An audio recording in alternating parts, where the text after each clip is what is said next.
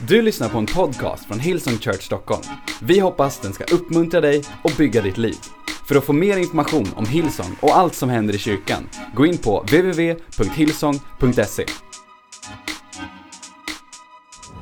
Alright, om du vill ha en titel på den här predikan så heter den När Gud välsignar det du inte godkänner.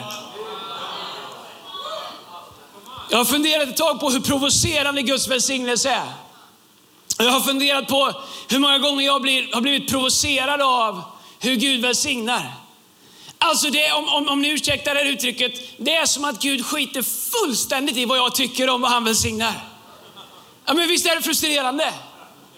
Nej. Ni bara tycker att allt är härligt, ni tycker att alla ska vara välsignade, det ska gå jättebra för alla, alla spelar ingen roll. All right, ni är sådana fina kristna ni. Och lögnare är ni också. När Gud välsignar är du inte godkänd. Vi har en förmåga, framförallt, jag har sett det i människors liv, människor som har varit troende ett tag, i början när de lär känna Jesus, de är så oerhört tacksamma för allting. De är så oerhört tacksamma för allt som Gud gör och allt är bra och allt är si och så. Och sen är det som att det kan gå ett litet tag. Sen är det som att man tycker att man, att man borde få vara med och säga till lite om vad Gud ska göra. Någon annan kommer och får sitt liv förvandlat och så tycker man, gick inte det där lite fort? Och aldrig gick lika fort när du upplevde Guds nåd. Är inte de där lite på? Jag, menar, nu, jag vet att ni har varit frälsta nu i två veckor och att hela er Facebook har svämmat över. Men är det inte lite bara too much? Och Gud, hur kan du ens välsigna det här?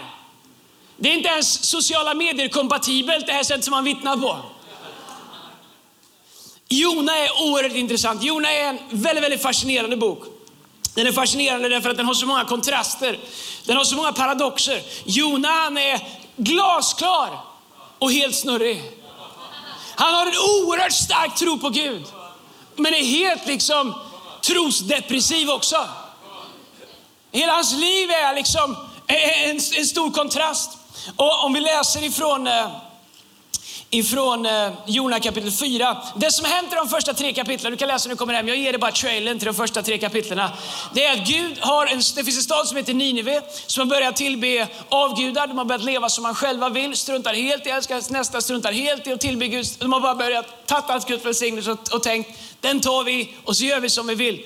Och Egentligen, om vi får som vi vill så borde Gud straffa dem därför att det som de gör borde ha konsekvenser. Hallå, Kristna bloggar. Ja, och, men det Gud säger är, jag vill inte straffa dem förrän jag har gett dem en chans att välja min välsignelse. Så han går till Jona. Varför väljer han Jona? Han går till Jona därför att Jona har en stor tro. Vi kommer läsa om en stund att Jona säger, jag visste väl att du skulle vara nådefull och förlåta dem. Så han går inte till Jona för att Jona är liksom kass, han går till Jona för att Jona är grym. Jona är övertygad om vad som kommer hända när han åker till Nineve och predikar. Så istället för att göra det så väljer han att hoppa på en båt för han tycker inte att Nineve är värda Guds nåd. Han vill vara med och godkänna vad Gud ska välsigna. Och istället för att göra det Gud har bett honom om så betalar han pengar, hoppar på en båt.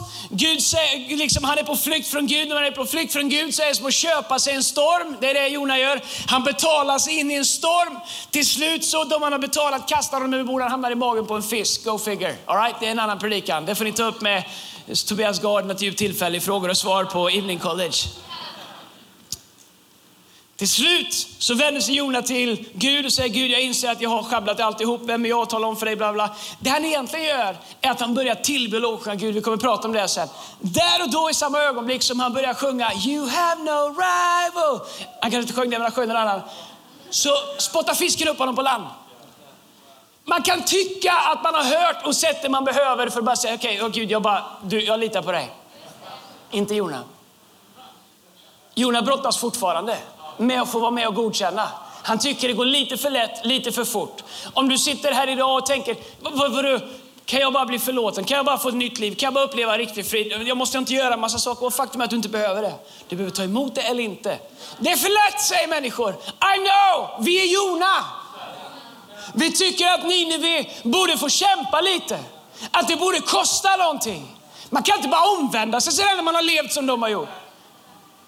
Vi kristna, vi har en förmåga att tänka som Jona gör och säga, Ibland när, jag, när, när man berättar, när, när det hörs om hur mycket människor som blir frälsta i Hillsong så kan man nästan känna att det kan inte vara sant. Är det riktig frälsning? Är det på djupet? Jag menar, det är för många här, det här kan inte vara djupt. Därför att om det är många så är det per definition väldigt ytligt. Vi borde få vara med och godkänna vad som är bra och inte. Men Gud säger, hallå, om jag vill ha din åsikt så fråga om den. Och jag har inte gjort det på de sista 6000 åren, så det är inte stor chans att jag kommer fråga om den idag heller. Jag förlåter vem jag vill, jag älskar vem jag vill, jag välsignar vem jag vill. Och jag behöver inte ditt godkännande. Så här är vad som händer. Vi ska in i, vi ska in i texten här. Jona kapitel 1. Nu har Gud förlåtit Nineve, de har omvänt sig, allt är bra igen. Man kan tänka att Jona tycker slutet gott, allting gott. Men kolla vad som händer med Jona när hela Nineve har omvänt sig. Men Jona tog mycket illa vid sig och han blev arg. Och han bad till Herren och sa, Herre var det inte det jag sa medan jag ännu var i mitt land? Det, därför vill jag förekomma dig genom att fly till Tarsis. Jag visste ju att du är nådig och barmhärtig Gud, långmodig och stor i nåd och sådan att du ångrar det onda. Ta nu mitt liv Herre, för jag vill hellre vara död än att leva, drama queen. Men Herren sa, har du rätt att vara arg? Vet du vad man säger det till? Den han precis har räddat ur magen på en fisk. Som tyckte att Nineve fick en för bra deal. Jona gick ut ur staden och satte sig öster om den. Där gjorde han sig en hydda och satt i skuggan under den för att se hur det skulle gå med staden.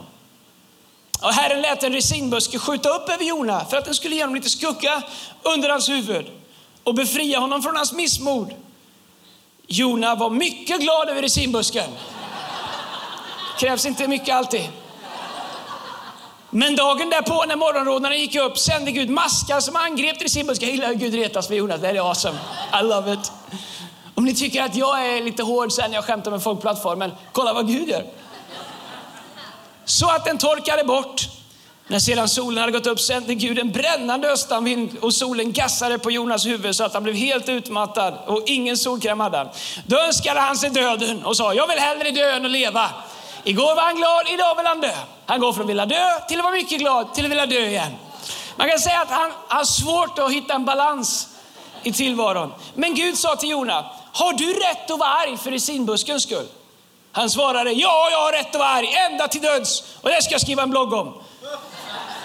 Då sa Herren, du ömmar för resinbusken som du inte haft någon möda med och inte har dragit upp och som kom på en natt och fick efter en natt. Och jag skulle inte få ömma för Nineve, den stora staden där det finns mer än 120 000 människor som inte kan skilja mellan höger och vänster. De är halvbegåvade. Dessutom en mängd djur. Alla djurvänner. Gud tänkte på djuren, men det står ingenting om katter. Inte någonstans i hela Bibeln. Jag har, visa mig ett bibelord om katter. Pratas om lejon, pratas om åsnor, pratas om hästar. Har du sett en katt? Jag kan tala om vart katten är någonstans.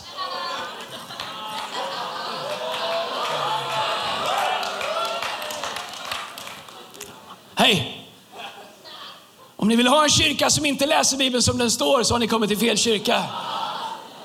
Här är vi skrifttrogna. All right. Så Gud välsignar Nineve och Jona blir jättearg. Han säger, jag visste ju att du skulle vara nådig. Jag visste ju att du skulle vara god mot dem. Jag visste ju att du skulle ge dem din välsignelse. Man kan undra, vad är problemet? Vad är problemet? Problemet är att Jona vill vara med och definiera hur mycket välsignelse, på vilket sätt. Vet du vad jag upptäckt med Guds välsignelse? Den är provocerande. Därför att det är som att Gud vill visa oss om och om igen att det är inte baserat på vår religion, hur bra vi presterar, som definierar hur mycket av Guds välsignelse vi kan få. Utan det är hur mycket vi vänder oss mot honom. Vad gjorde ni egentligen? Du kan läsa, nu kommer den första tre kapitlen. Det enda de gjorde var att de vände sig, de var bort, vända bort ifrån Gud. Jona kom och predikade. De gjorde som Jona bad dem. Det är som om jag gör en inbjudan här i slutet om du vill lära känna Jesus här ikväll. Lyft din hand och mot Jesus. Och så blir jag arg på dig, så skäller jag ut dig sen när du har lyft handen. och säger Gud, hur i hela världen kan du frälsa de här packet? Va? Bara räcka upp sin hand sådär och säga, få ett nytt liv. Gå en kurs. Kom igen nu och betalat tionde så länge som jag har gjort. Och Gud är inte imponerad av någonting av det. Förstår att det är som att Gud väljer att välsigna det vi inte godkänner. Faktum är att Bibeln säger att Gud utväljer det som i människors ögon ingenting är. För att världen ska komma på skam. Det är som att Gud uppenbarar det ruttna i oss genom att välsigna det som vi, som liksom, det som vi hatar. är egentligen det som Gud vill peka på i vårt liv. Det är egentligen Jonas egen omvändelse som Gud är ute efter. Men det ser inte Jonas. Så Jonas säger, jag visste ju att du är nådig och barmhärtig, Gud, långmodig och stor i nåd och sånt att du ångrar Jonas. Och sen går han vidare, ta nu mitt liv. Jag menar, hur förtretad kan man vara på en annan människas välsignelse? Någon skriver på Facebook, jag fick ett nytt jobb. Det första, hjärta. Andra, styrkekram. Tredje, det var ju roligt. Styrke, alltid massa styrkekramar från samma människor som styrkekramar alla allt hela tiden också. Det är inget fel på styrkekram, jag, jag, vet inte vad det är. En hård kram? I don't know. Styr weird. Jag kan ta vanliga kramar eller inga kramar, men styrkekramar känns weird. Är det energi? Är det något kraftfält i det?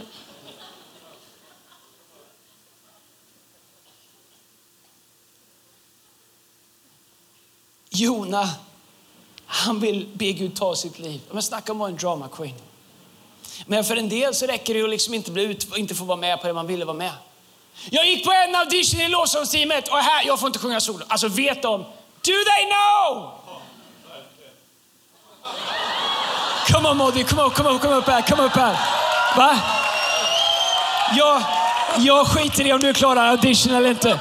Om du vill köra en låt så gör det här och nu. Kom igen, du får köra vilken låt du vill. Mamma, ooh. det är det, det är det jag kan. Eh, absolut. Nej, titta, det var provocerande för en del av er. Ni tänker varför fick han komma upp? Det bara för han sitter där framme och heter Moddy, den där Moddy alla pratar om. Vad är det med Moddy egentligen? Guds nåd. Guds välsignelse, Guds favör är ibland provocerande för att Gud arbetar inte inom vår, i vår struktur, i våra ramar. Han går förbi liksom alla lärda och självutnämnda rättfärdiga profeter för att hitta en äktenskapsbryterska som de är på väg att stena. Och istället för att ställa sig med dem som tror rätt, ställer han sig med henne som behöver få rätt. Och hela strukturen av religion hamnar på ända. Min bön är att vi aldrig någonsin ska bli en kyrka som tror att vi har en rättighet att stå med någon slags penna och papper och definiera och få godkänna vad Gud välsignar. Men ja, tänk om Gud skulle använda någon människa. Har inte ens slutat röka en människa. Well, we got a problem. Han har sin egen rökmaskin.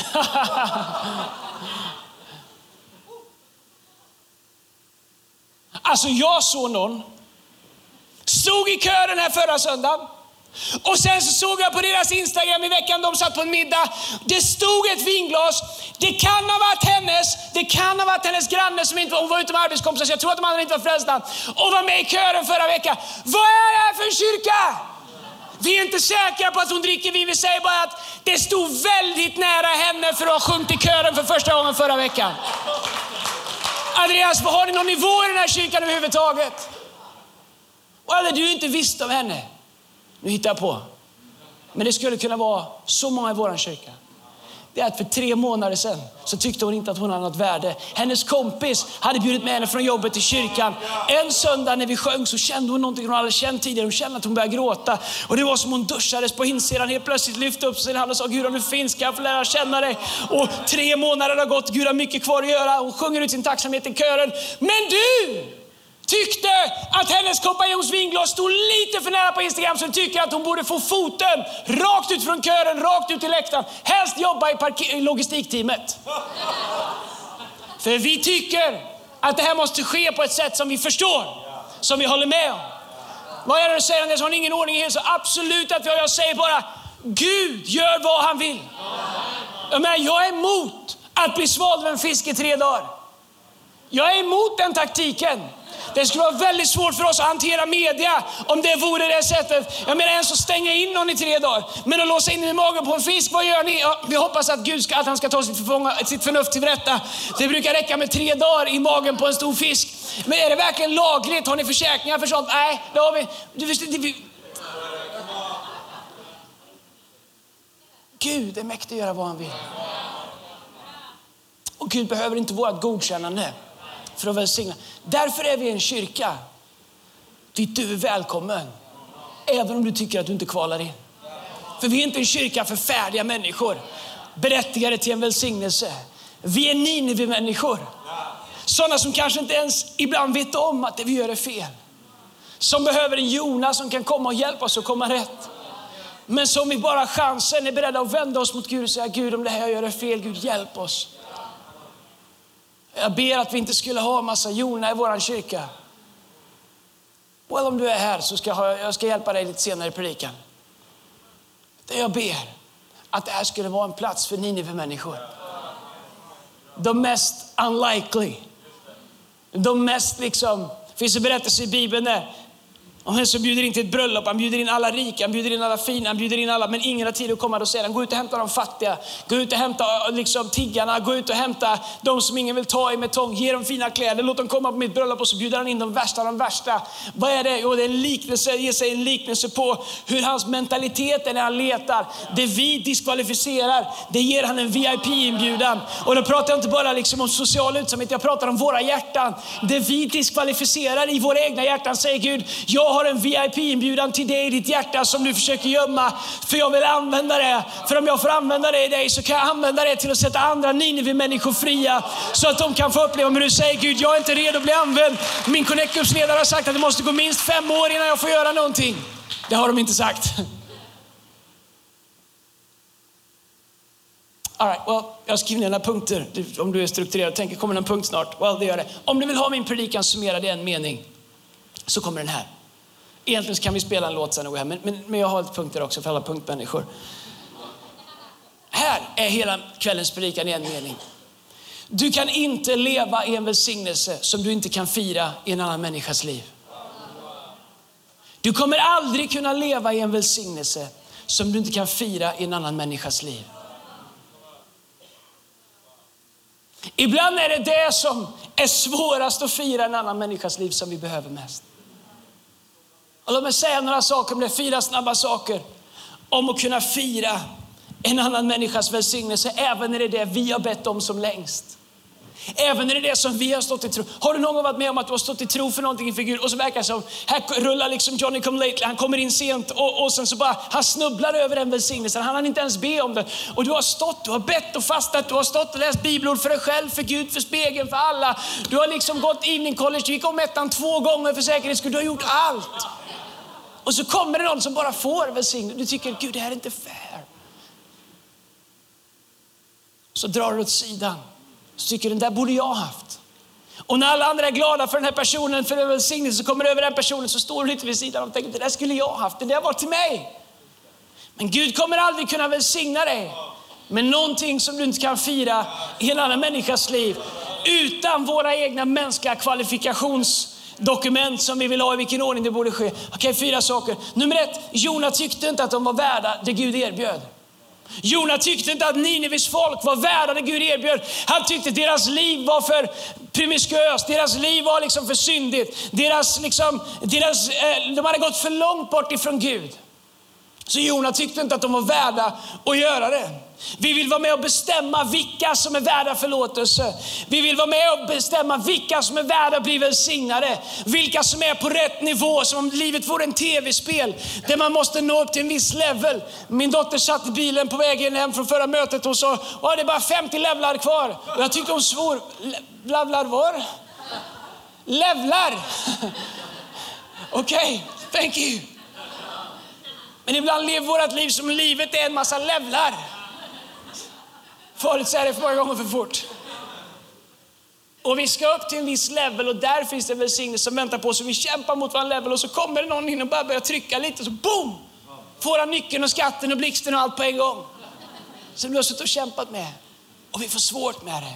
Vi vill vara med och bestämma. Jona han säger i vers 2 att jag visste ju att du är nådig och barmhärtig Gud. Och Jona, men kan vi bestämma oss för att vara en kyrka Det vi aldrig lägger oss i vem Gud tycker är värd att rädda? Det vi aldrig lägger oss i vem Gud tycker är värd att välsigna. Utan vi är den kyrkan som tar på sig rollen som en stor cheerleading-klack som säger, vet du vad? Gud får göra som han vill. Vårt jobb är bara att stå och fira det Gud gör. Om det sker i mig, om det sker i dig, om det sker i dem vi förstår, om det sker i dem vi inte förstår. Faktum är att, faktum är att även i kristenheten, i liksom det breda spektrat av kristenheten, så finns det saker och ting som liksom sker på sätt som jag kanske inte förstår, kanske inte ens till och med håller med om. Det finns vissa yttringar där jag bara tänker, oh, vad röker de egentligen? Men, och det är enkelt att bara säga, äh, det där förstår jag inte, det kan inte vara Gud. Jag skulle inte vilja att vi hade det så i vår kyrka. Och när jag tänkt så här, äh, det där så gör vi inte Hillsong, det där kan inte vara Gud. Men om jag tittar på det och ser, okej okay, det finns massa saker jag inte förstår. Det där känns omoget, det där undrar jag om det ens är från Gud. Men det där, hur jag än ser på det, det är någonting som är från Gud. Vad ska jag göra då? Döma ut alltihop, positionera mig, ta avstånd från det. För att jag ser massa saker som jag har svårt att förstå eller inte tycker om, eller kan tycka inte är bibliska. Men jag ser någonting där i som är av Gud. En av tio, fem av tio, I don't know.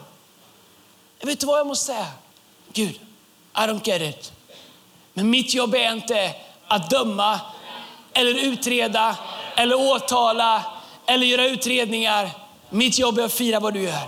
Så om du är i det där Gud, God bless you. Kör på. Jag gör det jag är kallad till att göra. Och och vet du vad? Jag behöver inte förhålla mig mot någonting bara för att jag inte förstår det. Det finns massa uttryck i, Guds, i, liksom, i, i den stora kyrkan som jag inte förstår, som jag inte är attraherad av. Men jag kan inte säga, finns det någonting av Gud i det? Ja, det gör det. Och det är det som gör det komplicerat. Det vore enklare om det inte fanns någonting av Gud i det. Är allting bra? I don't know, jag tycker inte det. Jag tycker vissa, whatever, vi behöver inte gå. Jag tänker inte på något speciellt för övrigt. Vad tänker han på nu? Jag tänker inte på någonting. Men vet du vad? När jag var yngre så var jag väldigt snabb med att kategorisera. Det är rätt, det är fel. Det är rätt, det är fel. Det är från Gud, det är inte från Gud. Så får man göra, så får man inte göra. Så ska det vara. Och ju äldre jag blir så inser jag, Gud, jag har ingen aning om. Precis när jag tror att jag har liksom boxat in dig i ett hörn så är du här borta. Precis när jag tror att yes, the Hillsong style is the only style, så, så visar det sig att du gör saker Gud i andra kyrkor också. What? Och Gud, Hillsong, what?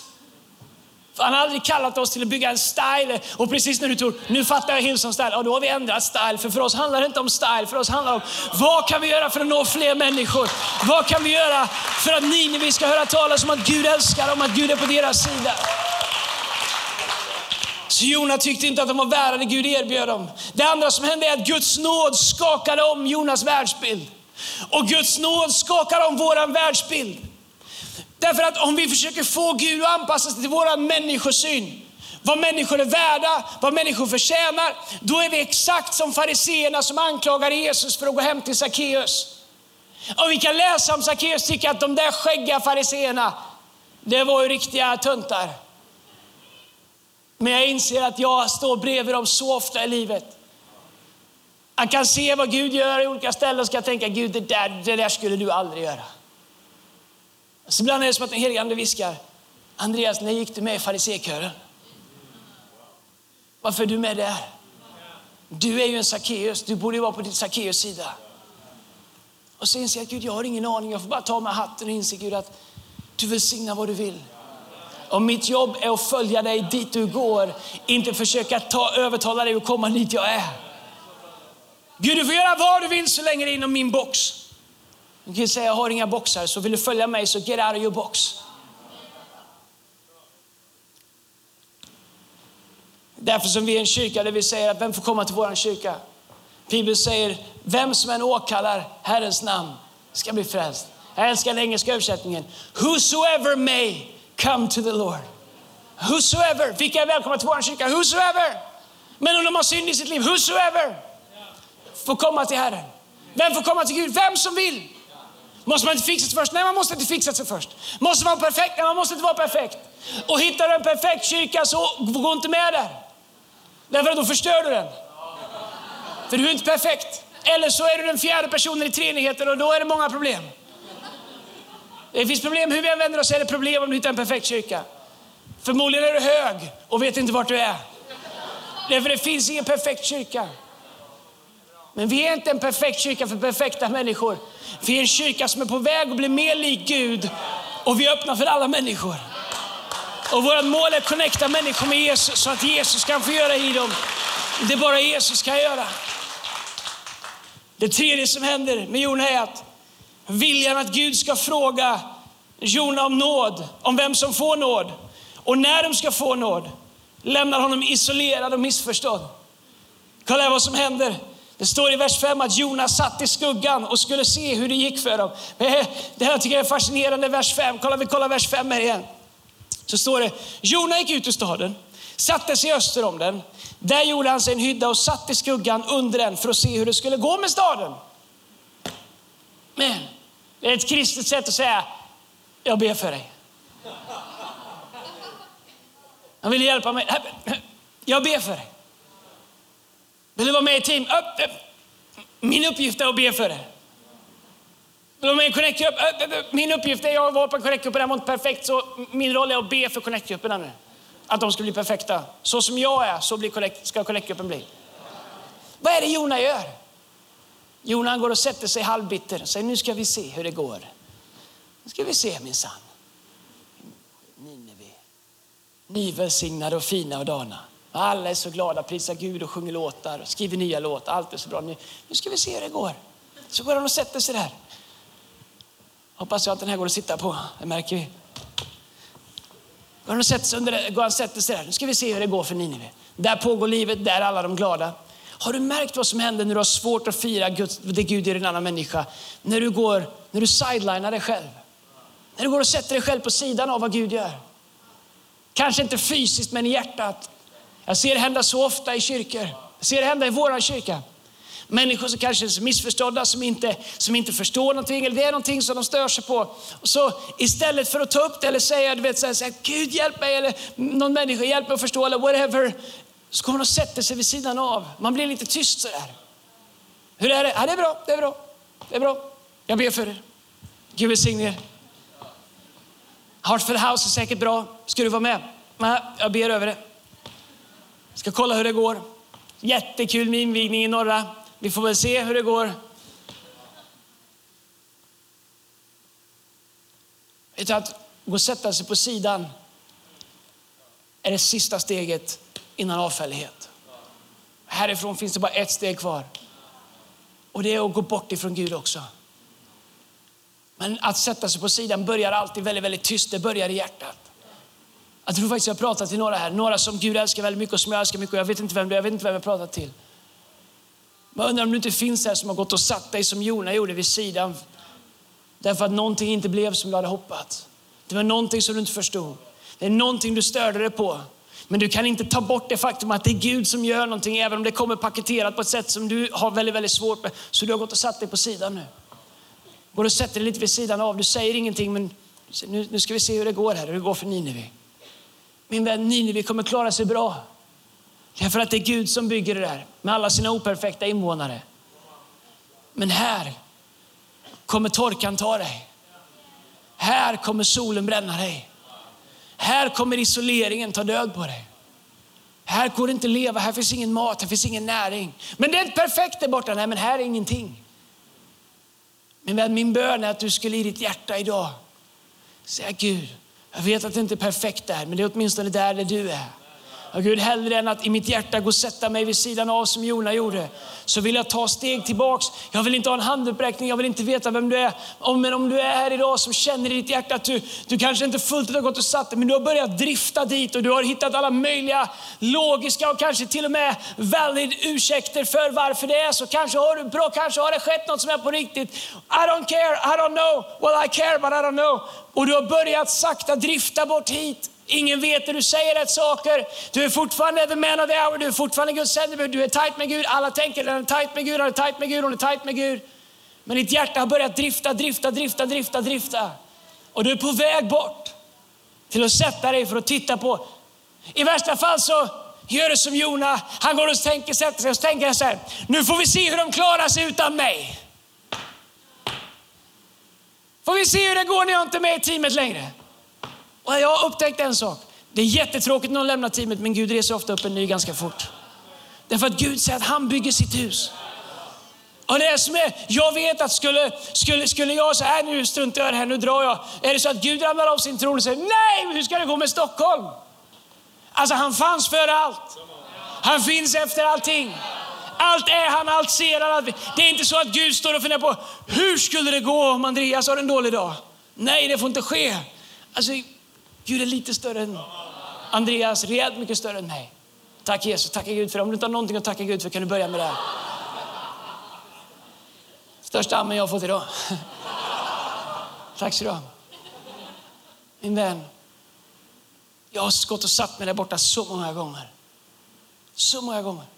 Jag kan säga en sak. När, vi, när jag började åka till Sydney, jag har precis varit i Sydney, så var den första, det fanns ingen plan för att starta Hillsongkyrkan. Vi hade i London och vi hade i Sydney. Och någon missionär hade varit och startat någonting i Kiev som ingen riktigt visste om. Och helt plötsligt fick vi bara reda på att det fanns en Hillsongkyrka i Kiev, så ingen vet hur den startades. Russian style. Eh, och vi har haft utmaningar ända sedan dess, höll jag på att säga. Men det fanns ingen plan för att starta nya kyrkor. Alla som var i Hillsong hade gått deras college, de var uppvuxna där i, de var liksom så här avlade inom huset. Och, och sen så kom jag. Brian brukar skoja och kalla mig the bastard. Det är bara på skoj. Och, jag kommer ihåg, jag var, vi har varit på en Stafford Street, jag kommer ihåg min första Stafford Street jag var på. Det var inte så många Stafford, det var inga, inte massa kyrkor, 15 som det är nu. Och jag satt där och alla pratade om, kommer du ihåg när vi var på den där summercampen? Och kommer, well, jag var inte på den där summercampen. Kommer du ihåg när vi gjorde den där resan? Alla pratade om, de har vuxit upp i ungdomsarbete tillsammans, de har gjort allting tillsammans. Jag känner bara, jag satt där och jag säger, jag har ingenting gemensamt med någon. Jag känner Brian Houston, men vi, där sitter Joel och Phil och alla möjliga, alla, Phil var ungdomspastor i City, Phil Dooney. Och bara känner, vet du vad som händer? Helt plötsligt så börjar jag ta med mitt hjärta. Lite synd om mig. Lite synd om mig. Jag har inte det. Jag kommer inte från en predikantfamilj. Jag har inte gått, jag har inte gått Hillsong College. Jag har inte varit med på summer camp. Jag har inte varit med i storiesarna. Jag har inte vuxit upp. Jag har inte varit med i gänget. Och så började jag ta mitt hjärta lite, lite åt sidan. Jag märkte det inte ens. Men mina känslor fick börja styra min ande. Och helt plötsligt så tickar jag och tycker lite synd om mig själv. Och då har jag en sån själavårdande pastor, pastor Brian Houston, som helt plötsligt vänder sig till mig och säger Andreas, don't you want to be here? Yes boss.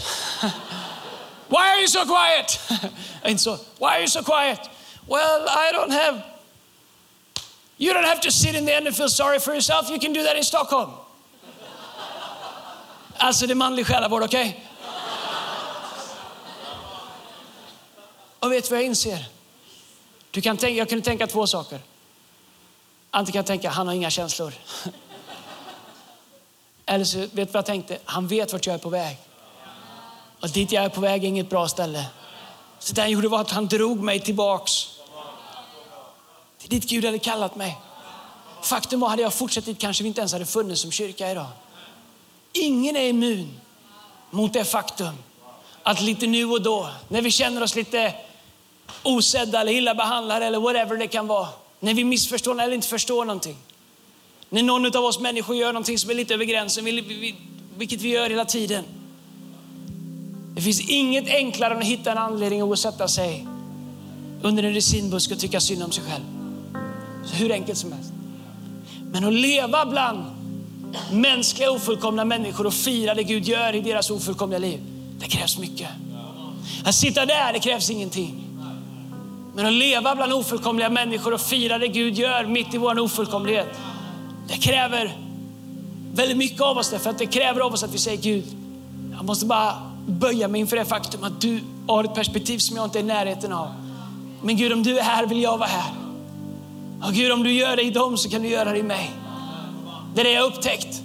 Att när jag kan börja fira i någon annans liv, det Gud gör där, så får jag tro för att Gud kan börja göra det i mitt liv. Det är det bästa sättet att få tro. Min vän, kanske är du här som har bett om helande så många gånger. Jag har två diskar som är helt kraschade. Flyga till Sydney, ja, det är kaos. Eh, och min, rygg, min läkare vill inte att jag ska flyga dit. Och jag ber för människor som blir helade. Vi hade ett, ett moment i Sydney eh, nu när vi, när, när vi, man, vi bad människor profeterade och vi bad för sjuka. Och jag bara tänkte, varför blir jag inte helad för? Men jag har bestämt mig varje gång vi ber för sjuka, varje gång de blir helade, jag ska fira deras helande. Därför att deras helande ger mig tro Därför att, att mitt helande är på väg. Och om jag kan fira välsignelsen i deras liv så matar jag tron i mitt eget liv att välsignelsen är på väg in i mitt liv. Om jag kan se någon bli befordrad på jobbet och säga, men thank God, tack gode Gud att du välsignar den personen med bättre lön, med ett bättre jobb, så kan Gud välsigna mig i mitt liv. Om jag ser någon som säljer sin lägenhet och flyttar till ett hus istället för att tänka, jaha det går bra nu ska jag tänka fantastiskt, amen. Spänn ut tältpluggarna, spänn ut tältlinorna, skapa mer utrymme. Hej, om Gud gör det för en, så gör han det för en annan. Bibeln säger att Gud gör inte skillnad på människor, han är densamma för alla. Men det bästa sättet att bli bärande på en välsignelse är att börja fira den i andra människors liv. Allt du firar i andra människors liv föds till tro i ditt eget hjärta. Men allting som du vägrar att fira i en annan människas liv dör i ditt hjärta. Men jag önskar att jag kunde få dig att tro på mig hur sant det här är. Det här är kanske en av de viktigaste predikningar jag någonsin har predikat i vår kyrka. Därför att det avgör hur vi lever våra liv. Om du bara vill veta några saker om det här livet, hur, blir, hur lyckas man i det här livet? Nummer ett, fira det Gud gör i andra människors liv. Nummer två, nu gör jag nya punkter som jag inte ens har. Nummer två, gå inte och sätt dig under en sinbusk och tyck synd om dig själv i tysthet. Gå inte och sätt dig och vänta. Om jag bara sitter här så är det säkert någon som kommer och ser mig. Jag sitter där och så, det du egentligen vill ha uppmärksamhet, men vet du vad? Vi har så fullt upp med att försöka få det att funka här. Så om du går och sätter dig där så är risken stor att vi inte ser dig. Jaha, tar ni inte hand om det 99 eller 100 fåret, vilket det nu är. Och sluta vara det där fåret som springer bort hela tiden. Vi har andra får att jaga än dig. Jag knyter fast dig här om du ska hålla på att springa bort. Faktum är att om man kommer från de vunna och håller på att springa bort hela tiden så är man inte förlorad. Om du kommer från de hittade så kvalificerar du inte in för evigt som förlorad. Förlorad är man när man aldrig har varit hittad. Vi kommer söka efter det så mycket vi kan. Men först och främst är vi kallade att leta efter dem som aldrig har hört. Och resten av oss, vi får halta runt i vår ofärdighet här och lita på Guds nåd. Vi får hålla i varandra och hoppa på varsitt ben. Han säger, Gud det vi inte har, det har du. Och när Gud börjar göra oss hela när Gud börjar välsigna så firar vi det i varandra som vi längtar efter att se i våra egna liv. Jonas satt i skuggan och undrade hur det skulle gå. Nummer fyra, jag vet inte vilken lista punkt det är på, här kommer jag bara en fyra i alla fall. Att slåss mot Guds intentioner kommer alltid att lämna dig i en storm. Jona kom från en storm. Han hamnade i den stormen därför att han slogs mot Guds intentioner. Han, det slutade med att han gick och predikade för Nineve. Ja, det slutade inte med det, men han gjorde det, det Gud kallade honom till. Men han började med att fly bort ifrån det. Att fly, eller att kämpa emot Guds intentioner och Guds syften, kommer alltid att lämna dig i en storm. Så låt mig avsluta med att berätta hur man kommer ur en storm. Hur kommer man bort ifrån sin resinbuske? Hur kommer man ur en storm? Vad hände med Jona när Jona sitter där? Grejen med Jona i stormen är att stormen tog Jona till Guds syften. För att Jona i stormen vände sig mot Gud. Ibland är det som att Gud låter stormar komma in i våra liv. Stormar av, med mening, stormar med purpose. Jag har upptäckt att det finns två olika typer av stormar. De som är attacker och de som är Gud som försöker föra oss rätt. För stormen leder till att de slänger honom över bord. När han hamnar över bord så hamnar han i magen på en fisk. Och där i magen på en fisk så hände någonting. Han backtrackar tillbaks där han gick fel. Men han hade aldrig hamnat där i magen på fisken om det inte hade varit för stormen. Så var stormen en förbannelse eller var stormen en välsignelse? Och stormen var en prövning, en utmaning. Men stormen var en förklädd välsignelse därför att det ledde honom till fisken. Och vad var det som var så viktigt i fisken? Jo, därför att när han var i liksom djurets mage, och inte ens en fisk, men han var i djurets mage. Så, och val vet man absolut inte att det var. Men när han är i djurets mage så står det så här att han böjer sina knän inför Gud. Han fattar ett beslut att börja tillbe Gud. The storm is not designed to take you out, the storm is designed to take you back. Och en del av er ni kämpar emot stormen därför att ni tror att den försöker take you out. Men den här stormen som du är i är inte här för att slå ut dig, den är här för att ta hem dig, ta tillbaks dig. Och det som hände med Jona Och jag önskar jag hade haft tid att predika det, men det har jag inte. Det som hände med Jona är att hans förväntningar definierar hans val. Hans förväntningar var att Gud skulle vara nådefull mot Nineve, så han valde att gå därifrån för han stod ju inte ut med det. Våra förväntningar, vad vi tror att Gud bör och inte bör göra, definierar våra val. Våra val definierar var vi hamnar någonstans och vart vi är på väg. Men tack Jesus för att Guds nåd är större än våra dåliga omdöme. Kolla här i Jona kapitel 3, vers 5. Så står det så här. Och folket i Nineve trodde Gud. Det räcker så. Och folket i Nineve trodde Gud. Min vän, din lydnad kommer få människor att se och lyssna på och lita på Gud. Att han kan föra dem tillbaks på samma sätt som han har gjort med dig. Vad är det som händer med Jona? Sista bibelordet kapitel, kapitel Jona, kapitel 2, vers 8, står det så här. Jona är i fiskens mage. Allt är på botten. Här är hans första steg tillbaks. Vers 8. Medan min själ tynade bort i mig tänkte jag på Herren. Och min bön kom till dig i ditt heliga tempel. Det som håller sig till fåfängliga avgudar överger den nåd de har fått. Han pratar om sig själv. Med tacksägelse vill jag offra åt dig. Vad jag har lovat vill jag infria. Frälsningen är hos Herren. Och här är vad som händer. Och Herren talade till fisken, det var en fisk absolut, och den kastade upp Jona på torra land. Här är vad som händer. Jona, han är långt ifrån frälst, man pratar om räddad. Han är mitt i skiten, mitt i smeten, i magen på en fisk, långt ner i vattnet. Och så säger han, frälsningen är hos Herren. Om du nu säger att ja, men jag är ingen sån andlig människa, jag är bara logisk. Han är ju fiskens mage, det fanns väl ingen frälsning där. Exakt! Men det som händer nu är att Jona börjar tala i tro.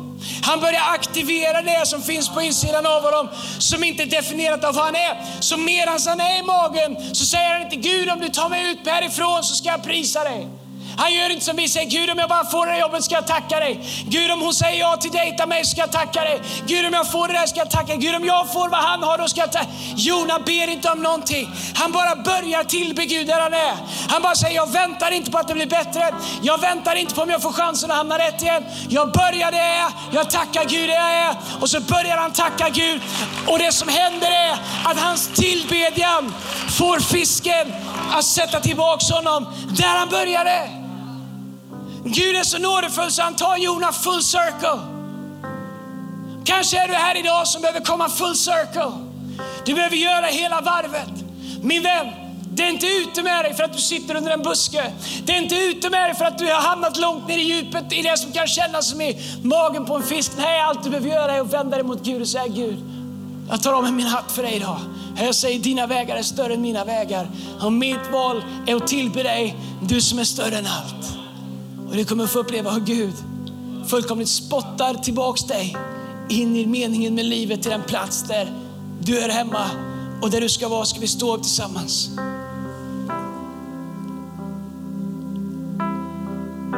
Jona tillbad Gud under sin resa i fiskens mage och Gud räddade honom. Vet du vad en kyrka är? Det är på många sätt som magen på en fisk. på den här fisken. Vi tänker, va? Var det inte dåligt då för Jona var det? Det var kanon för Jona hamna där. Nummer ett, vem mer har fått göra det?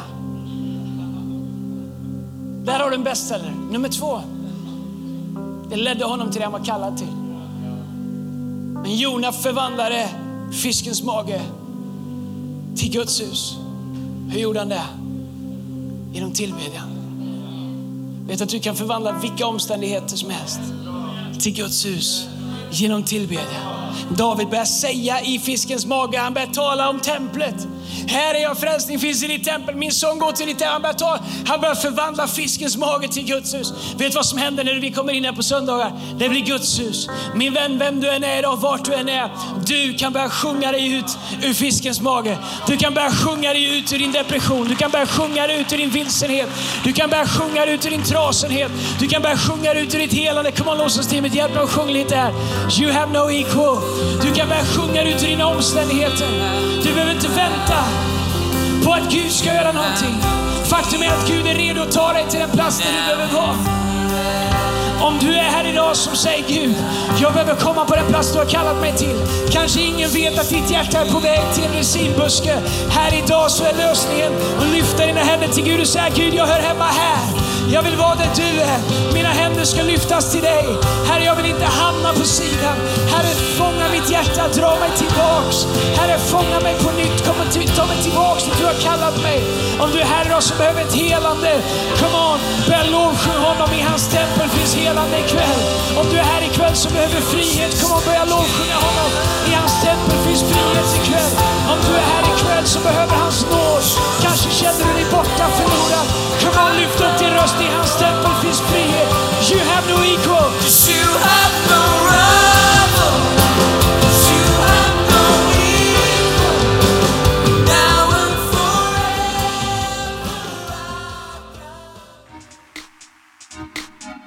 Du har lyssnat till en podcast från Hillsong Church Stockholm. Om du vill veta mer om vår kyrka eller om våra söndagsmöten, surfa in på www.hillsong.se.